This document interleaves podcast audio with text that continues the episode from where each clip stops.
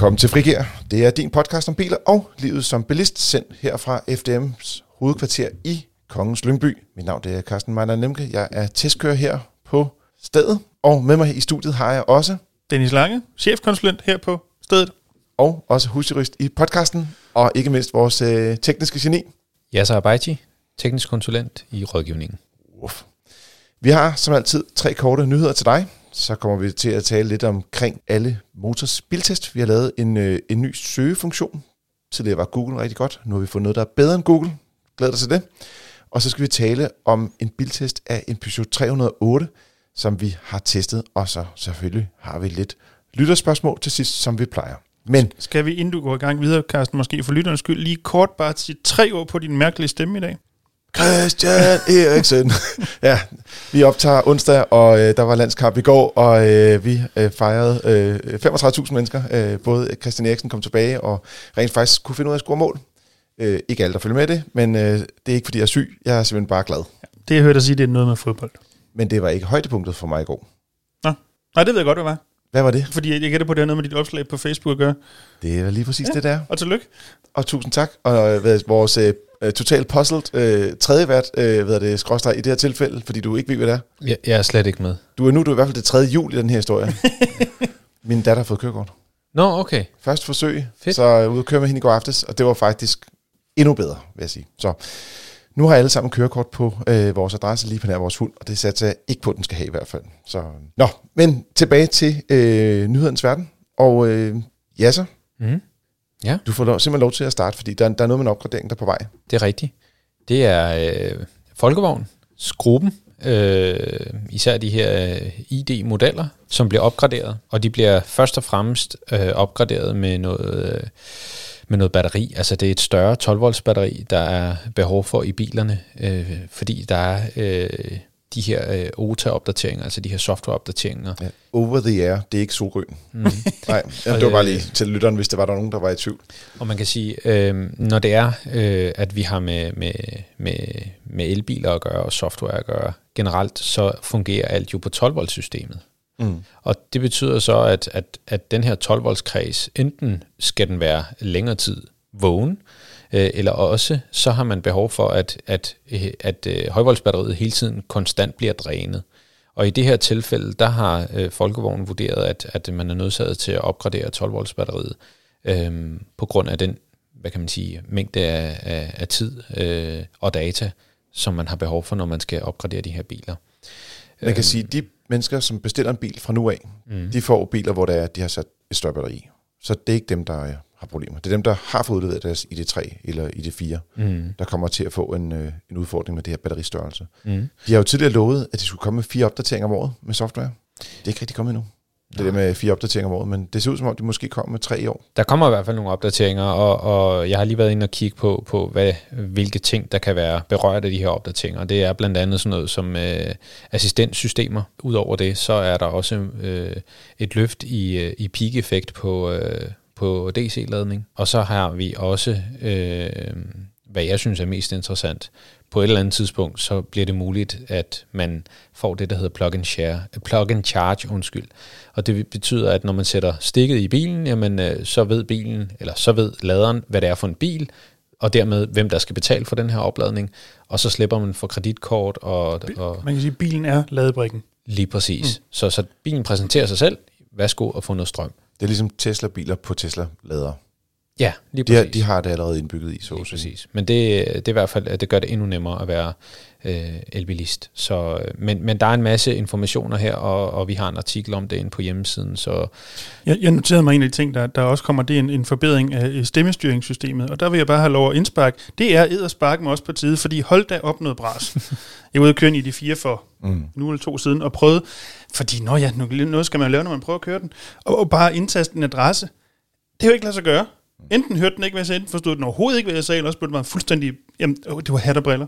Men det er lidt spændende, fordi hele det her med stemmegenkendelse, der er vi jo sådan, tror jeg også lidt ramt af, at vi ikke er så mange mennesker.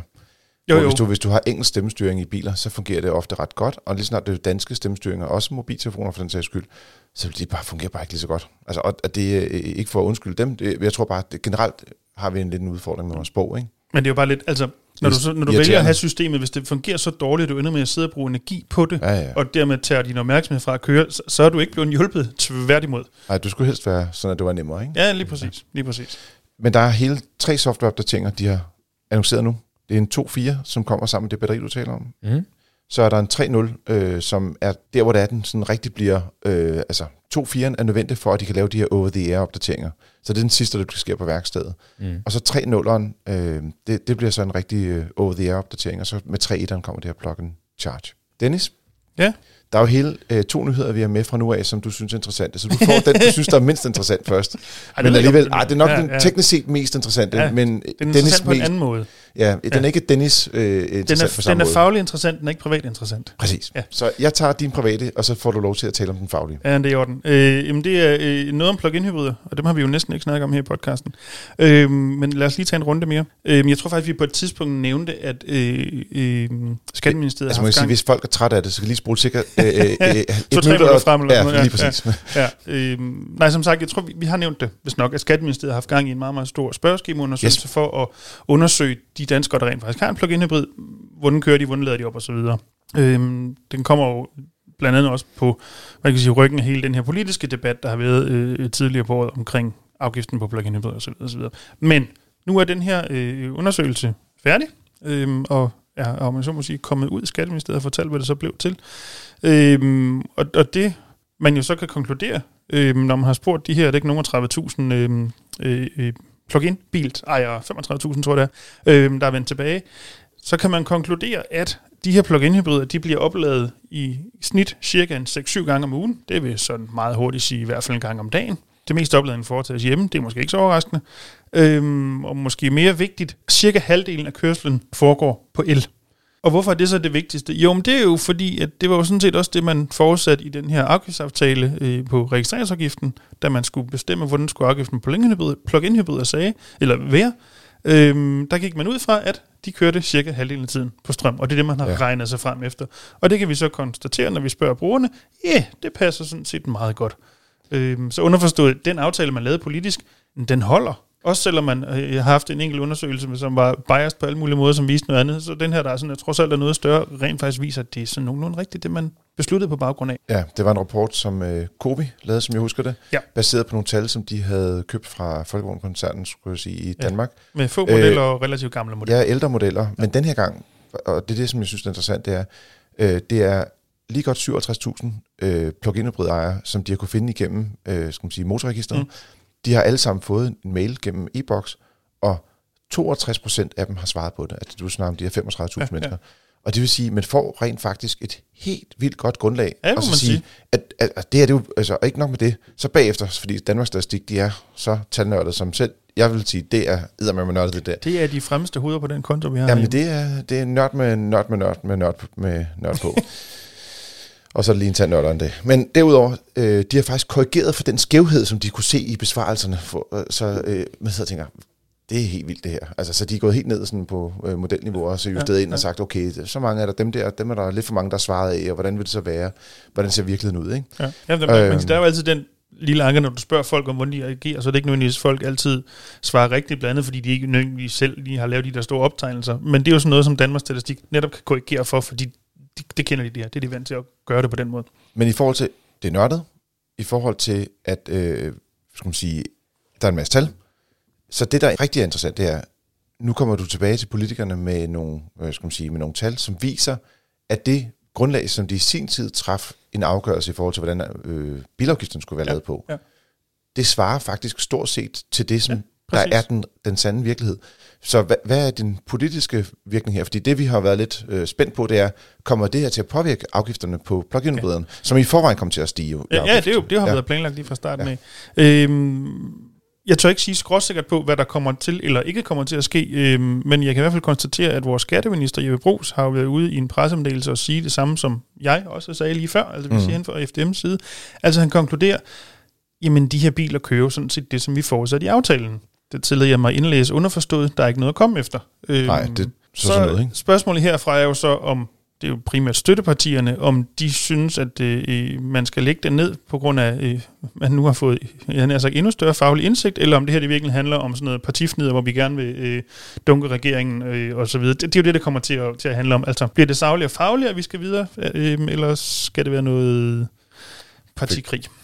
Fik om dæk. Det vil, det vil vise sig. Øhm, det kan også være, at, at den bare bliver lagt ned her. Det vil være det eneste fornuftige, fordi... Ja, der er gået cirka to minutter, Dennis. Ja, øh, undskyld, dem, der har spolet frem, de, øh, de vil gerne slippe for at høre mere om plug-in hybrider. Og øh, så skal vi tale om noget, som privat Dennis er glad for. Øh, det er sådan, at vi nu har set, og det er ikke de første billeder af en Honda Civic, men det er øh, sådan, den kommer til at se ud i Europa, som ja. jeg forstår det. Ja. Og jeg, jeg tillader mig i det her tilfælde at, at gerne blive korrigeret i en helt ekstrem grad af dig. så øh, ja, men de har kun øh, hybridmodeller på vej. Det kommer ikke som elbil for eksempel. Øh, og øh, jeg synes umiddelbart, altså den, den, den bliver sådan lidt længere i det i forhold til, en, ja. måske lidt ligesom din, men endnu længere end det faktisk. Ja, den, er, man, jeg kan ikke, den, den, kom meget fra sådan noget hatchback, men så gik den mere over i sådan noget liftback, og det ved godt, det er femteårsbiler det her, men Øh, øh, flot øh, design. Forte, synes jeg. Øh, spændende. Øh, lidt anderledes bagende. Øh, lidt høj bagende også, synes jeg. Øh, jeg kan godt forestille mig, det er svært at se bilerne, der kører bag ved en. Mm, ja, ja, men det finder vi ud af, når vi kommer Jamen, jeg, jeg kan godt se, hvad du siger, men jeg tror faktisk ikke, den er højere end, end den nuværende, eller hvis man kan kalde den, du kan ikke købe den længere, den 10. generation. Øhm, ja. Der havde du så dog en lille øh, stump bagrude under spoileren, men som en, der kører i den bil, kan jeg sige, der kigger du aldrig ud alligevel, så det er fuldstændig ligegyldigt. Nej, lige præcis. Før der ja. var den lidt, øh, det sådan, men ja, det, ja. det var lidt spildt. Jeg synes, nogle gange, så kunne det give lidt udsyn bag til, men det var godt nok meget begrænset. Det ja, ved du. Ja. Øh, ja, ja. Det har du kæmpet med, så at sige. Ja, eller ikke. eller ikke. Ja. De, de tidligere generationer af Civic'en, der var det i hvert fald, øh, der havde de på et tidspunkt lagt den der bjælke øh, lige præcis der, hvor man skulle kigge bagud. Mm, øh, ja. og, og der var sådan en ting, okay, så skulle ja. man nok vælge en stationcar i stedet for, hvis det var, man skulle orientere sig i trafikken i hvert fald. Ja. Så, ja. Men mindre man kørte helt ekstremt hurtigt og aldrig nogen, som blev overhalet, så ville det ikke være relevant. Men jeg synes, det er fin uh, skærm, og vi har faktisk haft øh, en anden Honda HRV-model til test for nylig, som også havde noget øh, tilsvarende skærmløsning. Og det synes jeg faktisk fungerede bedre, end det de har haft tidligere. Før har de haft nogle helt vildt forvirrende menustrukturer i Honda, som om man sagde, vi laver en logik, som ingen forstår. Og hvis du kan forstå det her, så er du, så er du, skal man sige, så er du god nok til at køre Honda. Ja. Det ligner, uden at jeg lige vil hænge op på den bagvedliggende øh, øh, teknik, men jeg vurderer lidt på, hvordan det ser ud, og så mange penge har Honda jo heller ikke til at udvikle tusind Nej. forskellige infotainment-systemer. Så er det det system, som hvis jeg husker rigtigt, der kom med Honda E, Ah, øhm, yes. Der tror jeg, det var der, hvor de introducerede man kan sige, den generations uh, infotainment første gang. Yes, og der havde de bare lidt flere skærme. Ja, jo, jo, jo, jo, men, men man kan sige, men, men, grunden men, i det. Men måden, det ser ud på, ja. ja, ja Jamen, det, det er noget federe, end det, der var før i hvert fald. Så ved jeg ikke, om uh, du har set, uh, når man kigger på kabinen, det er altid det er interessant med Civic'en, fordi den har været så forskellig uh, mm. gennem de sidste ja, 4-5 generationer. Der er ikke sådan et uh, head-up display, øh, eller sådan en, en, der er ikke sådan en visning af hastighed hen over rettet, for eksempel. Det har de haft på et tidspunkt. Ja. Det er også gearskiftindikator, som jeg husker deroppe omkring og sådan noget. Øh, de kører også kun med én skærm i stedet for to skærme som medieskærme. Det har de også haft sådan lidt forskellige løsninger. øh, men hvor er startknappen hen til bilen? Det har jeg siddet lidt efter. Jeg tænkte, og det er det meget godt. Hvor, hvordan, altså, måske ligger den foran gearvælgeren eller sådan noget. Ja, ja eller på, på siden af retstammen. Ja, eller på siden af retstammen. Nogle gange, de, de, har, de har siddet sådan lidt, det er sådan nogle ting, man tænker, hvorfor er den ikke umiddelbart synlig? Ikke? Det er da udmærket. Det har jeg faktisk slet ikke tænkt på. Jeg blev til gengæld noget mærke i noget andet, hvor jeg tænkte på dig, Carsten. Det er, ja. at øh, nu bliver i, i automatgivet, som jamen, jeg går ud fra, at man ikke kan få den uden, med at den kun kommer som hybrid. Ja. Nu bliver det de her trykknapper, i stedet for en, en traditionel gammel øh, ja, gearstangs ting. Glad. Ja, jeg er uendeligt ligeglad, men jeg ved, det er noget, der gør dig lykkelig. ja, altså jeg synes, øh, det, ej, det er bare fordi, det er lidt smartere, når man stanser øh, motoren, skråstrej bilen, øh, så kan man bare stige ud og, og gå væk fra bilen, ikke? i stedet for at man skal til at hive fat den der gearvælger hver gang, eller uh, hvis du kommer til at... længe leve. hvis du, hvis du sådan stanser motoren, når den står i D, og så kan du ikke øh, gå væk fra den, eller et eller andet, der, så piper den og bamler den, og man tænker, altså, hvorfor kan bilen ikke sørge for det? det de kan så mange andre ting. Ja, det er det, det vi har vores forskellige øh, små ting, vi går op i. og når man kigger på den måde, de placerer deres øh, gearvælger på, mm. så er det faktisk ret nemt at finde ud af, om du er bakgear, du er gang med at trykke på, eller om det er drive, altså køre frem. Så det er sådan nogle ting, hvor det er, at du kan betjene det i blinde. Og det er sådan, ja, at du ja. har haft bilen nu, så er du ikke i tvivl om, hvordan det fungerer. Og det synes jeg faktisk er rigtig fedt. Og i hele taget, den måde, de har lagt deres øh, layout og knapper i kabinen, det virker faktisk logisk og meget på den måde uhondask hvis man skal sige det. Jo, men man kan sige, det er jo på mange måder øh, sådan i udtryk en lidt mere, åh, kan man kalde det voksen Civic end 10. generation, øh, som skadede lidt mere ud, øh, trods alt. Øh, men omvendt er det jo heller ikke, den har jo et vist oh, skal vi næsten kalde det så klassisk tilsnit. Altså, der er jo stadig ja, en, en del ja, ja. fysiske knapper osv. Det er jo ikke ligesom så mange andre biler, der går skærmamok. Øhm, den er jo heller ikke sådan med øh, plug-in hybrid, øh, elbil. Mm, eller, nej, nej, det, det er sådan lidt mere til de traditionelle, Ja. øh, præcis. modne, øh, hvad er det, bagudskuende kunder som dig, måske. Øh, hvad er det, Dennis? Det, det, Ej, det var groft lige sagt. bagudskuende, tror jeg sgu ikke, jeg vil Nej, det vil jeg ikke kalde men, det. Ej, jeg synes, den er, jeg synes også, den er flot. Jeg synes også, det er fedt, de laver en, øh, en helt anderledes bagende på bilen, faktisk. Mm. Altså, der, der kommer et nyt udtryk på, Ja, ja, hvor fronten øh, lidt mere er genkendelig sådan, Ja, øh, øh, i elementer, ja, ja, altså ja, ja. måden den ser ud på og sådan noget. Øh, den er mere fræk og lidt lavere og sådan nogle ting, ser det ud til i hvert fald. Øh, men øh, Ja. jeg kan godt forstå, du, øh, du sagde for et par uger siden, at øh, ah, du Jamen, overvejer lidt, om det skulle være en Honda igen, fordi at, øh, den ser sgu fed ud. Jamen, det gør den. Jeg, jeg, jeg, og det kommer jo an på en prøvetur på et eller andet tidspunkt. Øhm, jeg er lidt spændende på den her hybridløsning. Øhm, fordi det er jo ikke en, en traditionel hybrid, som for eksempel den løsning, der ligger i Yasos Yaris. Nej, ikke Yaris, den hedder, hvad hedder den? Auris. Auris, tak. Mm. Øhm, det er jo den her model, som, som eller løsning, som der også er i CRV'en, og har været det i nogle år efterhånden, hvor Mm.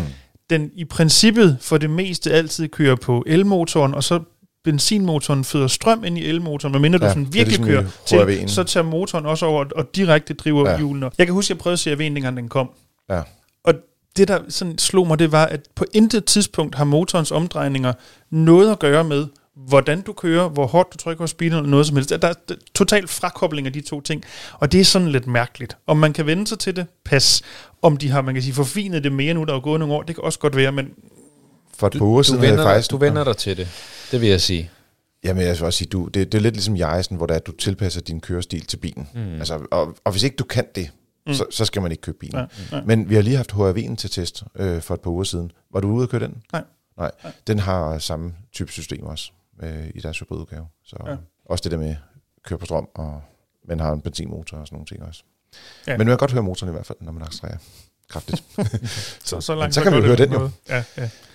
Nå, det bliver spændende at se den i, i virkelig liv. Yes.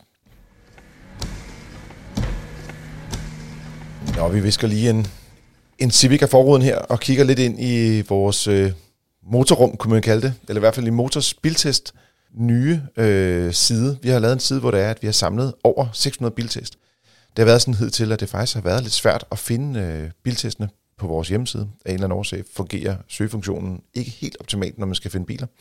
Øh, det er især noget med at finde ud af, hvornår er øh, bilen testen fra, for eksempel, har det været lidt svært at finde ud af. Så medmindre man kunne huske alle overskrifterne på alle biltest, jeg kan huske nogle af dem, så var det lidt svært at- finde rundt i dem. Men nu kan man simpelthen gå ind og søge og sige, jeg vil godt øh, se, hvad har I testet af øh, Hyundai i20 for eksempel. Så kan man slå dem op. Og vi har gjort det, vi har delt dem op i øh, tre øh, moduler faktisk. Så der er en til brændstofbilerne, altså benzin- og dieselbilerne. Så har vi en til plug-in hybrider, og så har vi en til elbiler. Og øh, det er egentlig fordi, at vi tænker lidt, at folk meget spørger ind til, en, en, de er interesseret i at købe en elbil, eller de er interesseret i at købe en plug-in hybrid, eller de er interesseret i at købe en benzin- eller dieselbil, for den sags skyld. Så de, er, de har allerede valgt lidt et sted inde i hovedet, hvor de er henne af. Og så gør det faktisk lidt nemmere, at de ikke bliver lige pludselig præsenteret for en elbil, hvis det er, de gerne vil have en benzinbil, for, for, for at give et eksempel. Men vi har faktisk også nogle ekstra søgesider, kun til, øh, hvis du vil sidde, søge efter elbiler. Og der ligger det modul også øh, derinde, og tilsvarende også på plug-in hybriderne. Ja, så jeg tænker lidt ved, i jeres afdeling, I får vel også spørgsmål om- omkring, øh, hvad for en bil skal jeg købe og sådan noget. Øh, Ja, vi, vi får rigtig, rigtig mange spørgsmål omkring, hvad for en bil skal jeg købe, hvad for en teknik skal jeg vælge osv. Og det her, det er jo et super værktøj, som, vi, øh, som, som både hjælper os, men også som hjælper vores medlemmer øh, i den her sortering. Jamen, hvad, hvad, hvad leder jeg efter? Hvordan finder jeg den specifikke bil? Så det er, det er i hvert fald noget, som, øh, som vi tror, at vores medlemmer vil få rigtig, glæde af, rigtig meget glæde af.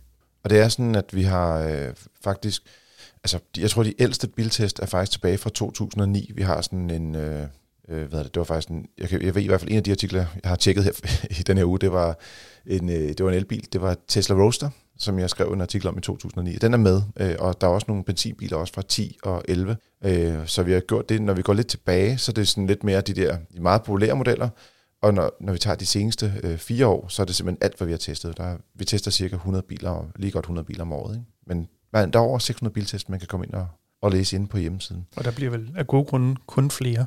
Jamen det er Altså ud fra, de det fortsætter, det Jamen, fortsætter præcis. simpelthen øh, i, i, skal man sige, i samme tempo. Ja. Øh, og vi udgiver dem jo sådan lidt løbende, testene, men de ligger selvfølgelig lidt i klumper omkring der, hvor vi udgiver motor også.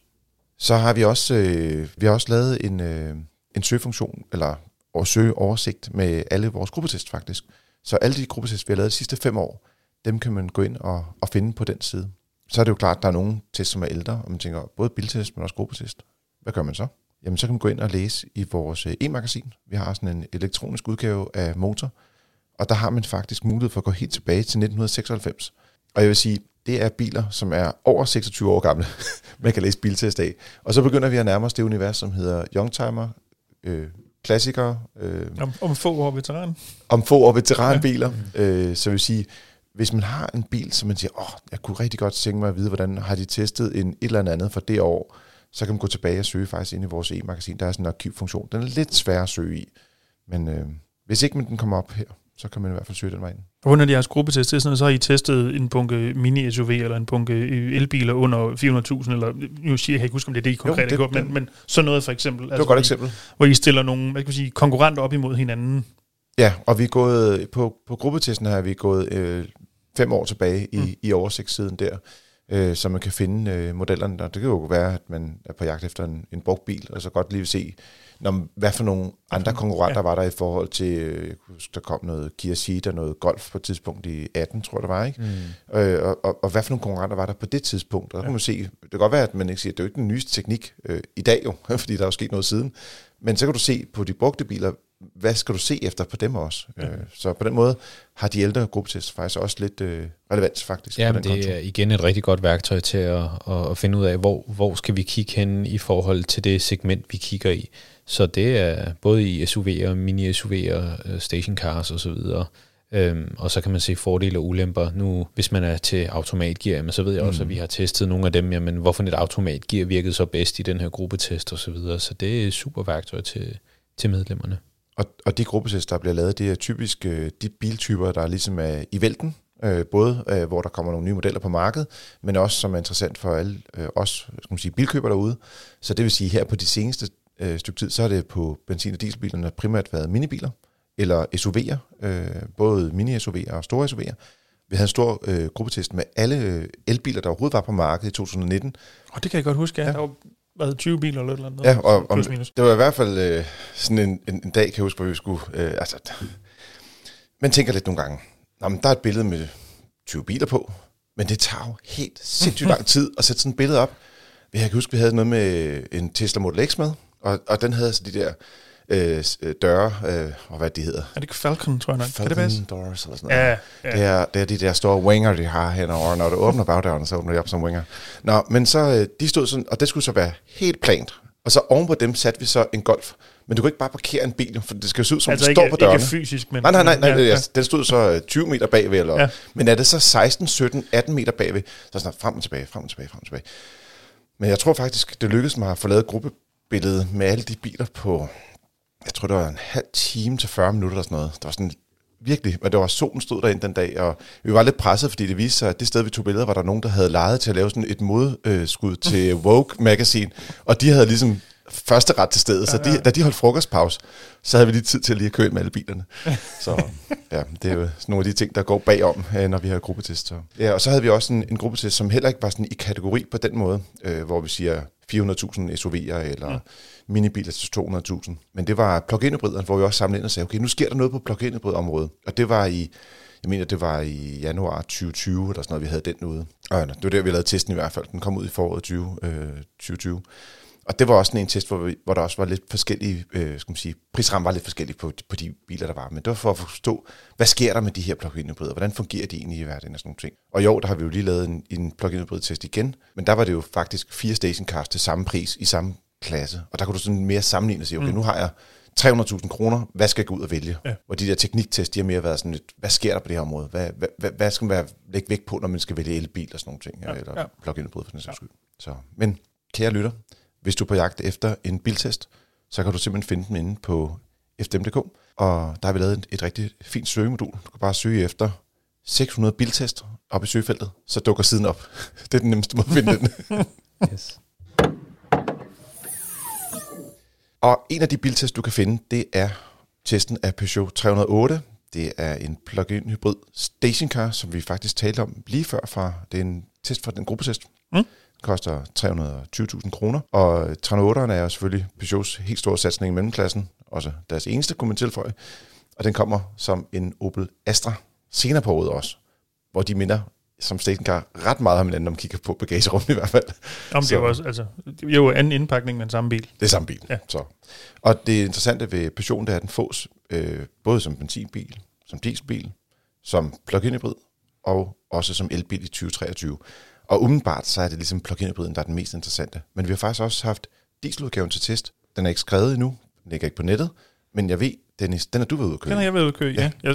Kan du komme med et par øh, anekdoter, oplevelser fra din, fra din tur i en 308? Jeg ved ikke, om jeg har anekdoter, men jeg vil godt komme med et indtryk. Øhm, altså grundlæggende synes jeg, det er en rigtig fin bil, også en rigtig flot bil. Øhm, den ligner jo lidt den gamle 308, som vi så lige har tweaked lidt, og så lavet i sådan en øh, øh, øh, mega sportslig udgave, hvor vi kan klistre lidt ting hist på her. Det fungerer. Jeg tror ikke, de kan lave det trick designmæssigt en gang til, så, så bliver det for meget. Men den er, den er super flot, den her. Øhm, og jeg synes egentlig også grundlæggende, at den, den kører godt. Øh, man sidder, der er god plads foran øh, på forsædet. Øhm, og, det, Men og når jeg siger det sådan, så er det fordi, der er, også, der er også nogle, nogle ting, der er sådan lidt knap så gode i den. Og den ene, det, det er bagsædet. Der er godt nok ikke særlig meget benplads. Øhm, der er faktisk, altså i betragtning- af bilens størrelse, så er der bemærkelsesværdigt lidt plads til benene. Jamen, hvis du havde den gamle 308 stationcar, Mm. og så kommer over den her, så ville du blive skuffet. Så Og- sige, hvor de gør det, altså, hvorfor er der ikke noget plads på bagsædet? Ja. Og altså, samtidig bagagerummet er jo vanvittigt stort. Så det, altså det ligner, hvis nu bare man havde rykket bagsædet 5 cm bagud, så havde alt været godt. Øh, men, men det har man så valgt af en eller anden grund at gøre. Der er muligvis noget fysik, der er i vejen. Hvad ved jeg? Øhm, Det kan være, at folk ikke vil sidde bag ved den bagerste C-stolpe eller et eller andet. Ja. Det er svært at vide. ja, men det skal man i hvert fald være opmærksom på, at øh, børnene skal ikke have for lange ben i hvert fald. Så, øh, så går det ikke. Øhm, Bagudvendte autostolen. Jeg siger Ja, bare, der er, mange, ja, det- altså, ja, ja. der, Okay. der er mange steder, hvor der er, folk kan løbe øh, panden mod muren med sådan en bil, hvis det er, ja. de skal bruge den som familiebil. Ja. Men hvis man skal købe den som, altså børn er flyttet hjemmefra, eller ja, det kan også være, man kun har et barn, og den anden, anden voksen ingen sidder på bagsædet, eller ingen børn, ja, eller bare ikke nogen børn, ja. Ja. Så kunne den faktisk fungere ret fint. Ja. Øh, Og så synes jeg så, altså selvom der er god plads foran, øh, når man sidder bag rattet, og, og, og altså jeg synes det der, øh, hvor du kigger hen over rattet, det fungerer sådan rigtig fint. Det, det kan jeg sgu egentlig godt leve med, det synes jeg er meget øh, fint. Men selve sædet til min kropsbygning, det blev bare aldrig godt. Øh, nej, det er underligt. Det, jamen det er lavet på en måde, så den øverste kant af, af ryglænet, der går ligesom, om man så må sige, noget ud, så det giver sådan en form for skåleffekt eller noget. Men når man har min overkropshøjde, så betyder det, at den øverste del af min overkrop bliver sådan presset fremad på sådan en øh, klokkeren fra Notre Dame-agtig måde. Og det, Og, og det føler du ikke, du er. Nej, nej, ikke siger så du, meget Jasser? i hvert fald. Ligner en klokke fra Notre Dame? Nej, det gør han ikke. Det er ligesom en flot fyr. Det, er ikke det, det, må, det må være en fejl på bilen. Jamen, det, det er i hvert fald en egenskab med sæderne, hvor man siger, at det, det gør det bare rigtig vigtigt, hvis man skal købe den her bil, at man får sikret, at der er plads nok Ja. ja. til ens familie, og at man sidder godt i Ja, sæderne. for jeg, jeg er slet ikke i tvivl, hvis man er øh, 5-10 cm kortere end mig, så tror jeg overhovedet ikke, man oplever det problem, for så når du ikke, om jeg så må sige, så højt op på sædet. Mm. Øhm, så, så det er, ja, men for mig var det lidt noget råd.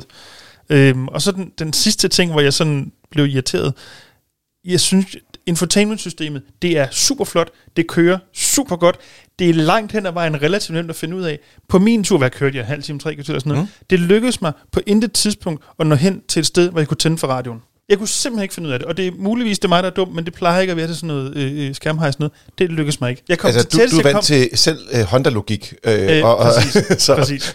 Altså det, det tætteste, jeg kom på, det var at komme ind i selve medieafdelingen, hvor den så bare kunne fortælle mig, at din øh, telefonkast, hvis jeg tror, Den du var havde koblet på, ja. Nej, den var så ikke koblet på. Nå, den var ikke Jeg- koblet jeg, på. var, Ja, var det var langt senere, så. FDM. Ja. Men at komme ind til radioen, det, det kunne ikke. Der var et punkt, der hed radio, det kunne jeg ikke få lov at trykke på. Jeg ved Men- fandme ikke undskyld, hvad, hvad der er ligesom... Men der er faktisk, det er lidt sjovt, fordi de har lavet sådan, at du har en trykskærm, Ja. som man ser i mange biler, Ja. og så under det har de så lavet en, en indskærm til, som rent faktisk kun er sådan nogle ikonknapper, du mm. kan få dernede. Og der kan du vælge, hvad for nogle ting, der skal være dernede. Så hvis nu for eksempel du gerne vil have radio eller sådan noget, så kan du vælge at have den dernede. Men det kræver jo, at man får programmeret den til det, man gerne Ja, vil man have. skal forhåbentlig kunne komme derind, også uden at du har lavet en genvejstast til det. tænker Ja, men jeg. så, det kan du så, men der, der skal du så vælge at bruge den, den, øh, den franske logik lige der, ikke? Ja, Men nå. du har cirka fem knapper, du ligesom kan vælge, hvad det er, du gerne vil have den til at gøre. Øh, for eksempel kan du også have sådan nogle ting som CarPlay, eller en af de ting, som jeg har valgt at sætte på hver gang, det er sæder. Jeg siger, hvorfor sæder? Det er fordi, hvis du skal sende, tænde for sædevarmen. Mm. Altså, før tiden, franskmændene, de havde det nede på siden af sædet, hvor du ikke kunne se, om du havde tændt eller slukket, Ja. men du kan altid mærke det. Ja. Ikke? Ja, eller, så jeg tænkte, åh, oh, sagde også, når man sendt, og der var 30 grader udenfor. Ham, der var lige før, var lidt en, øh, en frækker, ikke? Øhm, og lige sat den op på øh, 3, så øh, bliver man helt ristet. Men her der skal du trykke på den her altså, du skal ind og finde undermenuen for sæder, som er lidt svært at komme til. Så derfor, den vil du gerne lægge frem mm. som en af de her øh, programmerbare knapper. Og så derinde kan du så gå ind og vælge, at du godt vil tænde for sædevarme. Og når du så har tændt for sædevarme, kan du så vælge, hvad for niveau du skal være på. Og så Og vi bare sige-. Jeg kan godt mærke, at franskmændene ikke har brug for sædevarme helt så meget, som vi har herhjemme i hvert fald. Ikke? Der er det været rart at have en, en separat knap, hvor man kunne trykke på den direkte. Eller, ja, Og det, åbenbart hører de heller ikke radio. Men som sagt, bortset fra det, så synes jeg, det er en rigtig fin bil, der kører super godt. Jamen, jeg synes faktisk, det her med infotainment-delen er, er super interessant, og, og fordi at det er jo netop det der, du snakker om det her med, at- man er opmærksom, og man kører bil, Mm, når du ja. kører bil, og altså, at man ikke bliver distraheret af at bruge skærm. Og vi har faktisk lige nu en uh, Ford Focus uh, til test i den her uge, og den har den, en, sådan en variant af den skærm, man ser i en uh, Ford Mustang Mach E, Ja. men hvor den bare er ikke på højkant, men er på altså, øh, horisontalt, tror jeg nok, det hedder, ikke? Altså, Mm. vandret, ja. Ja. Så ved jeg det, og, og der, det betyder, at de flytter lidt rundt på nogle af tingene, men, men funktionen med for eksempel sædevaren er, er den samme, eller du har hele tiden vist uh, temperaturen, ligger nede i bunden af skærmen, det ser man også faktisk hos uh, Skoda, uh, gør det også, putter også i bunden af skærmen. Og det der med, at du har den der permanente position til din ventilationssystem og sådan noget, det synes jeg bare er helt vildt fedt. Hvis ikke man har en separat knap, som jo er klart Mm. mm. nummer et, ikke? men der er jo nogen, der insisterer på, at det skal være digitalt det hele. Det er så smart. øhm, nu var det ikke plug-in hybriden, som vi snakker om nu. Teknisk set, jeg køre, det var dieselvarianten. Øhm, men og jeg kiggede heller ikke på plug-in hybriden, da I havde den. Øh, giver man køb på noget? Altså bliver bagagerummet mindre, som man nogle gange ser, ser Ja, ud med du det? mister 60 liter, øh, og så bagagerumsbunden er en lille smule højere op. Mm. Øh, men jeg vil sige, du snakker også om tidligere, bagagerummet er så sindssygt Ja, stort ja, i voldsomt forvejen. stort. Så øh, du går fra sådan noget 608 liter, og så 60 liter ned. Ikke? Ja, så er det stadig Det er der stort. ikke nogen, der bliver ked af. Nej. Øh, rækkevidden, øh, vi målte den i, i januar måned, øh, lige omkring 5 grader, og der kørte vi øh, 41 km, altså, lad os sige 40 km. Ikke? Så det vil nok være sådan 40-45 km, man kommer til at køre den. Den havde lidt problemer med at køre alene på strøm, når temperaturen var meget lav. Mm. Øh, men når temperaturen kommer lidt op, så kan den godt. Altså ved 5 grader, der fungerer det fint. Ved minus 5, der begynder benzinmotoren at tænde for at give varme til kabinen. Ja. Men det vil sige, at man kan sige, at selve plug-in-delen fungerer faktisk egentlig, jeg vil lige sige, som den skal, eller godt. Man kan køre på strøm. Ja, man kan køre på strøm, og Ja. det fungerer rigtig godt. En af de øh, fede ting, synes jeg, ved, ved den her model, og det er kommet med de nye generationer af, af 308, og gælder i øvrigt også for, for deres dieseludgave, det er, at selve gearvælgeren er blevet øh, lidt nemmere at betjene. Den har hele tiden været sådan lidt elektronisk type, de har haft, men de har haft sådan en mærkeligt håndtag, som var, altså man skulle sådan ligesom knække håndledet sådan lidt skråt fremad, for at kunne betjene det ordentligt. Mm. Mm. Og nu er det sådan bare sådan en, en knap, man kan sådan ligesom øh, hive og, og trække i, så at sige, når man Ja, det er kører det, frem jeg og tror, det tilbage. engelsk hedder en toggle switch, gør det ikke? Det lyder faktisk meget rigtigt. Jeg tror, det er. En toggle, toggle switch. Gearvælger. Og det Ja. synes jeg faktisk fungerer ret nemt, og når man skal, at du, det er sådan, igen det der med, vi taler også lidt om det med, med Hondaen. Altså når, når du kommer hen et sted, og du skal lave sådan en manøvre, hvor du skal ligesom køre frem og tilbage en 3-4 gange, øh, og lave en uvending eller sådan noget, jamen så er det sgu bare fedt det der. Trepunktsvending, Altså, jeg har stadigvæk noget mod den øh, gamle, traditionelle gearstangs automatgears ting, som jeg jo har i min egen Civic. Det fungerer fint. Jeg behøver ikke kigge på den. Men, men Men det bevares. Bare vent til du kommer over på den anden side, Dennis. Du bliver så glad. Du bliver så glad. Så, øh, men jeg vil sige, altså, som sagt, god plads i bagagerummet. Man sidder ok, så længe man ikke er for høj på forsæderne, bagsæderne, knepen plads, Ja. rimelig fornuftig øh, plug-in hybrid teknologi. Og så designet, tror jeg nok, er det, som de fleste kommer til at falde for. Ja, jamen, bestemt. Eller ikke. Jamen altså, jeg synes, den er pæn udenpå og grim indeni. Er det rigtigt? Ja, jeg synes, den er mega grim indeni. Og den der, ja. det der ret der, det, jeg har prøvet det nogle gange. Jeg har ikke lige prøvet den her specifikke bil, men jeg har prøvet det der lille ret der. Det er slet ikke mig. Har de, øh, har de flyttet fartpilot-funktionerne øh, øh, funktionerne til rettet? Eller har de stadig den der bag rettet, hvor man ikke kan se, hvad man laver? Ret sikker på, at det sidder på knapper foran på rettet. Og det er da Ja, og de flytter lidt rundt, men man skal lige vende sig til, hvordan det fungerer. Mm. Det var lige før, jeg næsten synes, det var nemmere før, men, men det var heller ikke, fordi det var så nemt, når du sidder bag ved rattet, men den, den sidder i venstre side. Jeg, Der jeg, fandt, jeg fandt ud af det på en køretur, så hvad er det i Okay. hvert fald ikke. Okay, super. Men, men jeg vil give dig ret, altså personligt øh, er jeg heller ikke så meget til det lille ret. Øh, det er lavet for, det er lavet lille, for at man skal kunne se instrumenterne der er henover, som sådan på en eller anden måde øh, skal illudere lidt at have et, sådan et uh, head-up display Ja, af en eller anden art, eller, men, ja. men det er jo alle instrumenter, der ligger deroppe. Ikke? Øh, men det gør bare, at, at, at hvis du drejer, skal man sige, 45 grader på rettet, så får du et meget kraftigt øh, styreudslag. Mm. Og det vil sige, at man skal vende sig til at sådan dreje rigtig blødt på rettet, når man kører Peugeot, altså alle Peugeot-modeller. Jeg, jeg, jeg er med på Du lader heller ikke mærke til Nej, det? men jeg, jeg synes faktisk, det fungerer rigtig fint. Jeg havde ikke nogen issues med det overhovedet. Øhm, Men jeg synes bare, hvis du kører lange ture og sådan noget, altså selv hvis du, hvis du, hvis du sidder og drejer en lille smule på rettet, så, så ændrer bilen jo ret meget kurs. Mm. Så hvis du kigger det over skulderen, eller man lige får trukket lidt på rettet der, så, så ændrer bilen bare retning, og det synes jeg er lidt irriterende.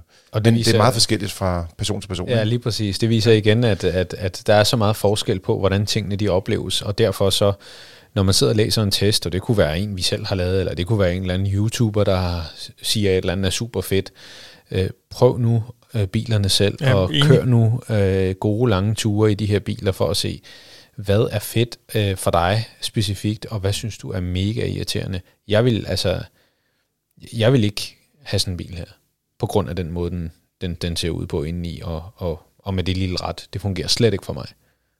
Vi skal have større ret. Det er sådan, det skal være, ja så. Det skal i hvert fald starte med. Der, der starter vi. Men øh, vi har givet den i den her plug-in udgave, hvor der er, altså man, siger, man får ret meget bil for pengene, og det er et højt udstyrsniveau. Der er masser af øh, ting, som øh, trådløs CarPlay og sådan nogle ting. Øh, der får den øh, simpelthen øh, 6 stjerner. Det er en, øh, en rigtig fornuftig bil. Øh, den koster 320.000 kroner i den her plug-in udgave. Den vandt ikke gruppetesten. Der var det en, en Seat Leon, der vandt det, den, som den var op mod. Mm. Men derfor gør det jo ikke en dårlig bil for alle. Der var nogen, der vil synes, at det er den her bil, der ligesom har det frække design, eller et udvendigt. Ja, så. Ja, eller, Og måske eller- også indvendigt, eller pri- at de, eller at, de synes, det er fedt. Ja. Ja, det kan være prisen, det kan være altså, den måden, den kører på. Altså, den her har en anden transmission, end, end Seat Leonen har, og mm. der er mange øh, ting. Så, så ja, det, det, det, det, jeg siger, det skal man ikke tage for gode varer, hvis man selv synes, at, at den kan noget andet. Hvis vi skal tage en lille exit på det her, så er det, når bilen har plug-in hybrid teknologi, så skal man lægge mærke til, at den både har en benzinmotor, og den har en elmotor. Og hvis man har tænkt sig at køre en plug-in hybrid, så er det fordi, at man også skal køre på strøm til hverdag. Det har vi Jo. også talt om tidligere. Ja. Husk at prøve at køre bilen alene i strømdrift. Sådan at du finder ud af, hvor meget den egentlig kan accelerere. Fordi lige præcis 308'eren, den har faktisk 110 hestekræfter på strøm. Og det er nok. Det er rigeligt. Mm. Men der er nogle af dem, som er nede på måske 60-70 hestekræfter. Mm. Og der føles det altså lidt tamt at køre på strøm, og det vil man blive træt af til hverdag. Helt enig. Altså, det er sådan noget, at øh, enten så er elmotoren undermotoriseret, eller også så er forbrændingsmotoren undermotoriseret. Og, og så må man jo så finde ud af, jamen, sådan som jeg kører, og sådan som mit temperament er, og hvad fungerer så for mig, og kommer jeg så køre, til at køre meget på strøm, eller meget på brændstof. Øh, men behandle de her biler, som de nu engang er. Det er hybridbiler. De skal have lov at starte. Det er ikke en elbil, du har købt. Det tænker jeg faktisk, vi tager en anden gang. Altså, fordi der er noget med de her, hvordan man skal køre de her biler, og jeg ved, du har en masse holdninger til det. Så for ikke, øh, vi skal optage tre timer i dag, så, øh, så lader vi den ligge. Mm. Men øh, kære lytter, bare roligt. Vi skal nok komme tilbage til det. Hvis du har en plug-in hybrid og tænker, hvad skal jeg gøre med min motor, så kommer der en lektion fra Lektor Jasser her. Måske om et par uger. Så er det tid til lytterspørgsmål, og har du et af den slags, kan du sende den til podcast Så kommer det ind i vores lille postkasse, og så kan vi finde ud af, hvad det er, vi skal sige. Det første, øh, vi starter med i dag, det bliver, jeg ved, det, det er godt nok et spørgsmål. Øh, det er Jesper, der skriver ind til os. Han skriver, øh, Audi e-tron GT og Porsche Taycan er der på J1-platformer og ikke på PPE. Det er utrolig mange bogstaver, der ikke nødvendigvis giver mening, hvis man ikke ved, hvad han snakker om. Nej, lige præcis. Øh, det var fordi, at vi i sidste uge øh, talte om platform øh, på elektriske køretøjer, og så øh, kom jeg til at sige Porsche Taycan, øh, hvor det var, at øh, Yasser havde mere korrekt sagt Porsche omkring PPE, platformen, som er den mellemnye platform fra deres side. Mm. Desværre, Yasser, kom du til at give mig ret. Ja, altså... Øh, hvad er det, så, så, så skylden ligger for os begge to. Taken, Macan, potato, potato. ja, det lyder næsten som det samme. Nej, men det, vi, skal, vi skal selvfølgelig sige, øh, vi skal selvfølgelig sige tingene rigtigt, og øh, vi, vi blander lidt, øh, øh, eller man får i hvert fald indtrykket af, at man, at man blander to platforme sammen, og det er ikke en og samme platform. Jamen, det, det gjorde jeg 100%. Ja. Og jeg vil også sige, en af grunden til at komme til at gøre det, det er, hvis du kigger på spæksene på dem, Mm. så er de ens. Altså, de lader med 270 kW som max, ikke? Batterierne er samme størrelse, mm. så Og der er Bilerne er hjul- næsten og der samme størrelse, Og der er fire hjul på. De har også fire hjul og fire stræk. så. Jeg er så glad for, at jeg overhovedet ikke blandede mig i den samtale i, Ja, sidste telefon. Var. Jeg vil bare sige, øh, kære lytter, og ikke mindst dig, Jesper, bare roligt, det her det kommer ikke til at gå ubemærket hen. Det er jo selvfølgelig fuldstændig uacceptabelt. Jeg har taget en momentnøgle med i dag, og jeg tænker, vi ordner det lige ud bagved bagefter, så I, ikke, I to ikke laver sådan noget Igen. igen. Ja. Ja, tak. Jamen, det synes jeg er en god idé. og så for en god ordens skyld, så er det sådan, at øh, der kommer en endnu en ny platform for øh, Folkevognsgruppen, koncernen, der hedder SSP. Øh, den er ikke lanceret endnu, men der sagde de på et møde for nylig, at alle deres kommende modeller, og det skulle så være helt ned fra de mindste til de største biler, skulle komme over på den her SSP. Ikke konsulent, men platform. Men vi skal jo også have et rigtigt spørgsmål. Og øh, vi har også fået et spørgsmål fra, øh, altså det er jo mere en kritik af, at jeg kom til at sige noget forkert. Øh, jeg så kom til at give mig ret, og den jeg blander mig overhovedet ikke. Nej, du slap helt for det. øhm, Arne har skrevet ind til os, tak for en god podcast og et øh, godt blad. Det er Motor, han taler om. Øh, ifølge gætter, jeres, vi på. ja, det satser vi på. Øh, vi har også Motor Classic, men jeg tænker lige, i det her univers er det nok med, med de moderne biler. Ifølge jeres undersøgelse om, hvor langt elbiler kører på en opladning, øh, så er det en Kia e som er den bil, som klarer sig bedst i forhold til rækkevidde. Selvom WLTP for eksempel for en Tesla Model 3 er længere.